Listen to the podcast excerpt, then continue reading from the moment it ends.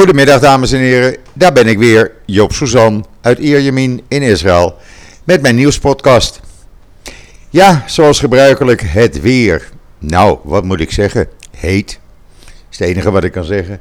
Blauwe lucht, zonnetje, briesje, 33 graden op dit moment. En het is uh, bijna drie uur in Israël, waar ik zit. En uh, de gevoelstemperatuur die ligt rond de 35, 36 graden.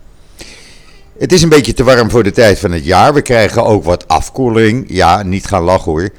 Het wordt uh, zaterdag en zondag slechts 30 graden. En dan warmt het weer op daarna. Het kan gebeuren. En uh, we genieten ervan. Ik heb wel de ramen open. Uh, ik heb nog geen airco aan. Mocht u wat geluiden horen, dan weet u. Ik heb de ramen tegen elkaar open. En ja, dat vind ik toch even prettiger als die droge airconditioning lucht. En dan, ja, wat is er in Israël gebeurd? Nou, ik kan beter zeggen, wat is er in Nederland gebeurd? Want ja, uh, het verhaal mevrouw Kaag, uh, dat gaat maar door. U weet, wij hebben op 19 mei een artikel geplaatst waarin staat dat mevrouw Kaag alsnog geld gaat overmaken aan de Palestijnse zogenaamde humanitaire uh, landbouworganisatie UAWC. Uh, we weten dat daar uh, een aantal mensen van zijn gearresteerd door de Israëlische politie. Omdat die betrokken waren bij uh, de moord op de 17-jarige Rina Snerp. Bijna twee jaar geleden.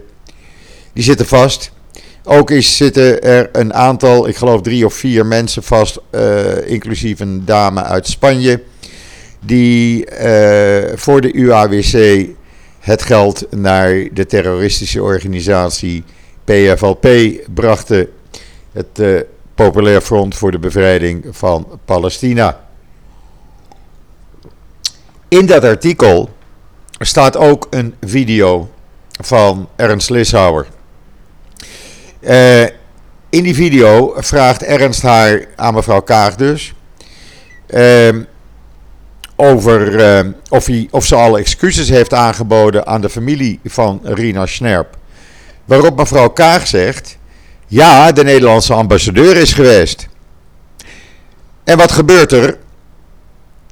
Na die video eigenlijk niks. Totdat de Telegraaf gisteren uh, met een groot artikel kwam. waaruit bleek dat uh, niemand van de Nederlandse regering, althans niet de ambassadeur, excuses aan uh, de familie van Rina Snerp heeft aangeboden. Er was wel uh, twee keer gebeld door een of andere ambtenaar. Uh, en uh, ja, dat was het eigenlijk. En de heer Snerp zegt ook: de ambassadeur is welkom als hij excuses wil aanbieden. Dat was dus gisteren de Telegraaf. Dat hebben wij nog een keer online gezet. Dat is al, alleen bij ons al bijna 8000 keer bekeken op israelnieuws.nl. U kunt daar, daar naartoe gaan. En Elsevier's Weekblad, die kwam uh, ja, gisteren met een verhaal over uh, betalingen, niet-betalingen, etc. aan de Palestijnen. Uh, en wat blijkt, vandaag komen ze met een verhaal waarin staat dat het debat over de betalingen is opgeschort in de Tweede Kamer. Dat zou dinsdag gehouden zijn. Dat is op de lange baan geschoven. En mevrouw Kaag gaat vrolijk door met betalen aan zeven Palestijnse hulporganisaties. Uh, en die zijn feitelijk, volgens uh, Elsevier's Weekblad, ook een dekmantel van het Volksfront voor de Bevrijding van Palestina. Uh, in het EW, Elsevier's Weekblad staat ook hoe dat allemaal gaat van de UAWC naar het Volksfront, et cetera, et cetera. Uh, Geert Wilders uh, die wilde mevrouw Kaag ter verantwoording roepen. Eh, VVD-Kamerlid Marielle Paul sprak over een verontrustend artikel. waarin ze precies wil weten van Kaag wat zij van Israël te horen kregen over deze kwestie. En waarom ze volstond met het doorspelen van de informatie aan Europese onderzoekers. Toen kwam Gidi Marcus over van de PVV en die drong dinsdag aan op een regeling, eh, zodat er een eh, debat kon worden gehouden. Eh, nou, dat gebeurt dus niet. Dat debat gaat dus niet door. Uh, u kunt het allemaal lezen in Elsevier's Weekblad. Ik heb de link online staan in mijn Twitter-account. En uh, ja, zoals wij op 19 mei al melden, uh, de eerste 300.000 euro was toen overgemaakt. En ja, er zal nog meer volgen in de komende tijd. Een rare zaak, echt een hele rare zaak. En het toont een beetje aan hoe de Nederlandse regering, ja, zeg maar Palestijnse organisaties uh, financiert die het gemunt hebben op Joden. Laat ik het maar zo zeggen. Inmiddels kreeg ik een video toegespeeld vanmorgen. Ik heb hem niet online gezet, bewust nog niet. Ik wil dat eerst nog verder helemaal gaan uitzoeken. Maar wat blijkt, het is eigenlijk een soort uh, ja, commerciële video van de Europese Unie, waarin een delegatie uh, van uh, zeg maar ambassadeurs bij de Palestijnse, in de Palestijnse gebieden op bezoek ging in Sheikh, Sheikh. Waar die vier woningen staan waar misschien, misschien mensen uitgezet gaan worden. Ik zeg misschien omdat het Hoge Rechtshof over tien dagen daar pas over gaat spreken. Als dat doorgaat. In ieder geval, uh, daarin is de Nederlandse vertegenwoordiger bij de Palestijnse gebieden is daarin uh, te zien die zijn steun uitspreekt voor de bewoners van Sheikh Jarrah uh, in Oost-Jeruzalem. Steun uitspreekt en hoopt dat zij niet uit hun huizen gezet worden omdat de Europese Unie daar tegen is, et cetera, et cetera. Ik vind dat een beetje raar. Want de Nederlandse vertegenwoordiger uh, is trouwens de partner van de Nederlandse ambassadeur in Israël. Uh, die spreekt dus openlijk zijn steun uit voor Palestijnen die mogelijk illegaal in, in woningen zitten. Een beetje rare zaak, denk ik zo. Maar goed, dat is de Nederlandse uh, regering en zo werkt het schijnbaar tegenwoordig. Ik ben geen politicus, ik kan daar verder niets over zeggen. Maar toen ik die film zag, die video zag, vond ik het een beetje raar. U kunt hem vinden bij de Europese Unie. En dan eh, 450 organisaties in 28 landen, waaronder Nederland. Die hebben in de afgelopen vijf jaar de werkdefinitie van antisemitisme aangenomen. Blijkt uit een onderzoek van de Universiteit van Tel Aviv. Uh, het hele onderzoek kunt u lezen op israelnieuws.nl. Uh, wel interessant, maar 28 landen is natuurlijk wel heel weinig. Maar juist in deze tijd waarin het antisemitisme alleen maar toeneemt, is dat belangrijk om te weten. Aan de andere kant is de Wereldgezondheidsorganisatie, eh, onderdeel van de Verenigde Naties, die heeft een motie aangenomen waarin Israël wordt veroordeeld voor, ja, voor wat? Uh, het is het enige land tijdens de jaarlijkse discussie die veroordeeld werd, Israël. En wat zeggen ze? Ja, uh, uh, Israël moet zorgen dat de Palestijnen en de Gazanen worden ingeënt. Nee, daar hoeft Israël volgens internationaal recht niet voor te zorgen. En meneer Hillel Neuer, een uh, goede bekende van mij, van de website UN Watch. Die veroordeelde dit ook gelijk, want die zegt: luister, uh, er staan 34 uh, eh, items op de agenda. En er is er één gericht op Israël om aan te klagen. En Israël zou dus niets gedaan hebben. Nou, uh, we hebben allemaal het bewijs. Israël heeft naast de 130.000 Palestijnse arbeiders die in Israël werken, hebben ze duizenden vaccins aan de Palestijnse uh, autoriteit gegeven, waarmee medische hulpverleners konden worden gevaccineerd. Alleen is dat niet in alle gevallen goed gegaan, want een heleboel houten metoten in de Palestijnse leiding die dachten, weet je wat, dan nemen wij dit vaccin tot ons. Dus zo is dat gegaan. En voor de rest, ja, eh, de Palestijnse leider Mahmoud Abbas heeft zelf gezegd in februari ik wil niks van Israël. Ik pak niks aan van Israël. Uh, ik bestel het wel in Rusland en China. Nou, klaar. Dan kan je niet zeggen we gaan Israël aanklagen. Maar goed, we zijn er nog niet, want we hebben natuurlijk ook de UNHRC, oftewel de UN Human Rights Council, de mensenrechtenorganisatie van de Verenigde Naties. En die gaan, ja, eigenlijk op dit moment, in de komende uren, nu zitten ze te vergaderen. Eh, en dat zal wel doorgaan om Israël te gaan aanklagen vanwege mogelijke oorlogsmisdaden in de laatste gevechten met Hamas. Niet Hamas wordt aangeklaagd, niet de Palestijnse terroristen worden aangeklaagd, niet de islamitische jihad wordt aangeklaagd. Nee, Israël wordt aangeklaagd. En dat maakt ze verder niets uit, die UNHRC, dat er uh, ruim 4300 raketten op bevolkingsdoelen in Israël zijn afgeschoten. Dat mag, dat is geen oorlogsdaad. Maar de precisiebombardementen van Israël, dat zijn oorlogsmisdaden. Ik vind dat die hele UN moet worden opgedoekt, want ja, laat ik maar zeggen, een antisemitisch zootje. Want ze houden namelijk ook geen uh, rekening met wat Hamas allemaal blijft uitkramen.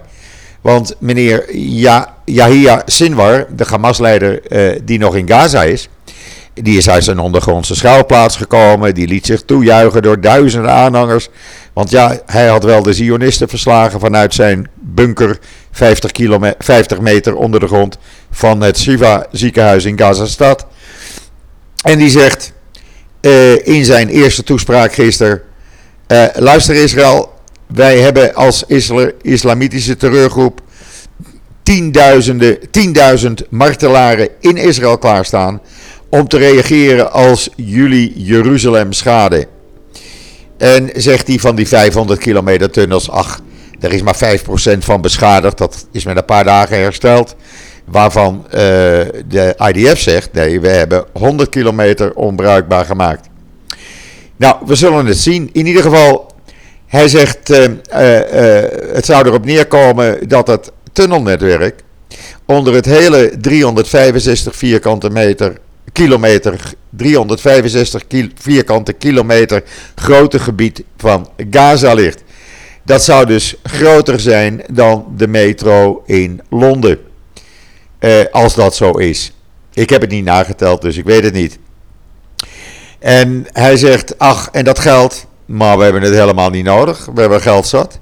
Uh, we krijgen genoeg van Iran, we krijgen genoeg van allerlei uh, landen, een aantal Arabische landen. Nou joh, we hoeven dat geld niet te hebben. We hebben er zat voor. Maar zegt hij, als de Zionisten de Al-Aqsa-moskee beschadigen, dan is er rode lijn overschreden. En dan zullen we met honderden raketten tegelijk reageren. Want we wilden op de laatste dag van de gevechten eigenlijk 300 raketten in ene afschieten. Dat hebben we toch maar niet gedaan. Uh, en daar zouden de 150 van naar richting Tel Aviv gaan. Ja, en deze man wordt dus niet veroordeeld. Dat mag hij allemaal. Hij mag gewoon honderden raketten, duizenden raketten op burgerdoeleinden afschieten. En ondertussen eh, wordt Israël veroordeeld voor een oorlog die ze niet zijn begonnen. Maar goed, zo werkt dat nou eenmaal. Uh, Israël is altijd het pispaaltje. Dus ja, je raakt er zo'n beetje aan gewend, zal ik maar zeggen. Uh, ja, en dan iets bijzonders voor de Frans Kafka-liefhebbers. En ik denk dat het er vele zijn. Ik heb in ieder geval met interesse zitten kijken. We kregen een uh, uh, bericht van de Nationale Bibliotheek van Israël. En u kunt online de Kafka, de gehele Frans Kafka-collectie bewonderen en alles daarover lezen. Het zijn honderden objecten, foto's, tekeningen, noem maar op, beeldmateriaal. U kunt uh, de link vinden in israelnieuws.nl. mocht het een keer slecht weer zijn en wilt u eens wat anders als Netflixen, doe dit eens een keertje. Want ja, het is toch iets heel bijzonders. dus de hele collectie van Frans Kafka online. Ja, en dan wat is er nog meer in Israël? Nou ja, er gebeurt natuurlijk van alles in Israël. Uh, je hebt hier never a dull moment. Ik zei net al, het is 35 graden. ze geven de temperatuur van de zee op. Die is al 24 graden. Dus het wordt een heerlijk afkoelweekend voor honderdduizenden mensen. Ik niet. Ik blijf lekker thuis. Want ik krijg een van de kleinkinderen te logeren. Want die wil met je op een voetbalavond meemaken. Nou, dat gaan we dan morgenavond doen. Als ze weg is, als de ouders weg zijn, die eten bij mij. Ik ga ze eens lekker verwennen. En dan, uh, dan gaan we samen een voetbalavond uh, houden, want zij zit op voetbal. En ze vindt dat gewoon geweldig. Ze hebben geen sportzender thuis. En ik heb ze wel. Dus ja, dat wordt dan genieten. Dan ga ik eens even kijken naar Ajax en dergelijke. Want die kan ik allemaal hier op tv krijgen. En voor de rest, ja, de politiek in Israël. Uh, er zijn nog vijf dagen voor uh, Yair Lapid. Vijf dagen waarin hij een regering moet proberen samen te stellen. Hij schiet op, maar ik denk dat het hem net niet gaat lukken, omdat Naftali Bennett nog steeds uh, ja, een beetje draaikonterig aan de weer is. Dan wil hij weer bij Likud, dan wil hij weer niet bij Likud, dan wil hij weer met Lapid, dan wil hij weer niet met Lapid. Ik weet niet wat die man aan het doen is, niemand die het nog begrijpt eigenlijk van hem. Want hij moet wel meedoen. Als hij meedoet, is er een nieuwe regering. Doet hij niet mee, ja, heel simpel, dan hebben we geen nieuwe regering. Uh, mocht het niet lukken uh, voor 2 juni, dan is de situatie zo dat de president uh, Rivlin zal dan hoogstwaarschijnlijk zeggen: ja, nou jammer dan. Dan moet de Knesset maar bepalen wie een regering moet samenstellen. Dat is nog nooit gebeurd in Israël, zover ik weet. Dat wordt dus een hele bijzondere situatie. Gaat dat niet lukken, dan hebben we oktober, november een nieuwe regering. En dan wordt het nog pikanter. Uh, want dan, oh, sorry, geen nieuwe regering, maar stemmingen weer, verkiezingen. Dan wordt het nog pikanter. Want Benny Gans gaat natuurlijk in oktober roleren, zoals is vastgelegd, met Netanyahu.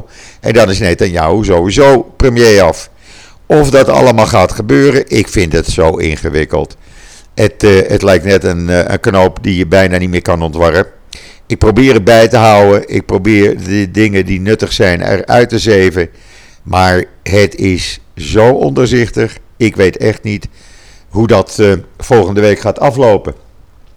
En hebben we ook nog het probleem dat president Rivlin natuurlijk in juli uh, aftreedt. Want dan zit zij zeven jaar erop. En die, uh, ja, er moet dus een nieuwe president komen. Die wordt ik geloof 2 juni of 4 juni gekozen door de Knesset. Er zijn twee kandidaten. Een daarvan is een vrouw die haar twee zoons tijdens oorlogen heeft verloren. En de andere is de voorzitter van het JNF. Ik denk dat die vrouw het zomaar eens zou kunnen gaan winnen. Dat zou heel bijzonder zijn. Het is geen, uh, iemand, niet iemand met een politieke achtergrond. Ze is activiste, dat weer wel, maar geen politieke achtergrond. Uh, we zullen het zien, want Yitzhak Herzog, zoals de voorzitter van het JNF heet, ja, die ligt een beetje onder vuur voor uitspraken wat hij een aantal jaren geleden heeft gedaan. Toen heeft hij een van zijn collega Knessetleden een bitch genoemd. Ja, nou, dat komt nu boven water. Of dat tegen hem werkt, ik weet het niet. Hij is wel een politicus. Hij spreekt zijn talen. Dat doet die uh, mevrouw weer niet. We gaan het meemaken. Het is nogal, uh, ja, zoals altijd, never a dull moment hier in Israël. En ik moet zeggen, ik vind dat eigenlijk wel net zo, uh, net zo leuk. Je hoeft je hier eigenlijk niet te vervelen. Ehm, ja, en dan vanmiddag om kwart over vier. Ik had u van de week gezegd, er is al een groep van Birthright in Israël. Maar vanmiddag om kwart over vier landt de eerste echte toeristengroep uit Amerika. Dat is heel bijzonder. De pers is erbij uitgenodigd. Ik ga er niet naartoe. Want het verkeer staat om die tijd muur, muur, muur vast. Dan zou ik 3,5 uur uh, over die eh, 45 kilometer doen. Nou, daar heb ik geen zin in. Ik zie het wel vanavond. Ik zet de filmpjes wel op israelnieuws.nl. Maar die eerste groep komt eraan. En die, uh, die wordt dan helemaal begeleid. Uh, ze gaan normaal als toerist door uh, Israël reizen. Ze worden wel in de gaten gehouden, regelmatig getest. Daar komen de volgende week nog een aantal groepen met toeristen. Gaat dat nou goed, dan kunt u allemaal vanaf 1 juli op individueel naar Israël op vakantie. Mits, mits, mits je twee keer bent gevaccineerd natuurlijk. Want ja, dat is de enige voorwaarde. Eh, maar dan kom je in een land, dat kan ik wel zeggen, waar je gewoon helemaal geen regels meer hebt. Uh, het enige op dit moment nog het mondkapje op straat of uh, in de winkels. Nou, dat is binnenkort ook uh, verleden tijd. en voor de rest, je kan naar de cafés, je kan naar de nachtclubs, je kan naar de restaurants, je kan naar de concerten, de opera, noem maar op. niets aan de hand. Ook de bioscopen zijn open van sinds vandaag. En ja, back to normal, zoals dat heet. waarbij ik opmerk dat de scholen al enkele weken weer nou, ja, een aantal, bijna een maand. Normaal op volle toeren draaien. En daar eigenlijk geen besmettingen vandaan komen. Laten we het afkloppen. Er waren vandaag 29 besmettingen. Er liggen nog 100 mensen in het ziekenhuis. ja, dat is het eigenlijk. Of 99 waren het er. ja, dat is het eigenlijk. Dus ja, hier zijn wij zo goed als, nou, zal ik het zeggen, Nee, laat ik het nog niet zeggen. Maar we zitten tegen de coronavrije periode aan. Nou, het zonnetje schijnt, dus veel besmettingen zullen er ook niet bij komen. En hopelijk, hopelijk over een paar weken is er niemand meer besmet. Dat zou mooi zijn. Vandaar dat men erg voorzichtig doet met het openen van de grenzen. Want die zitten natuurlijk op dit moment nog pot en pot dicht. Je kan als individuele buitenlander alleen Israël in na toestemming van uh, een commissie uh, van de overheid.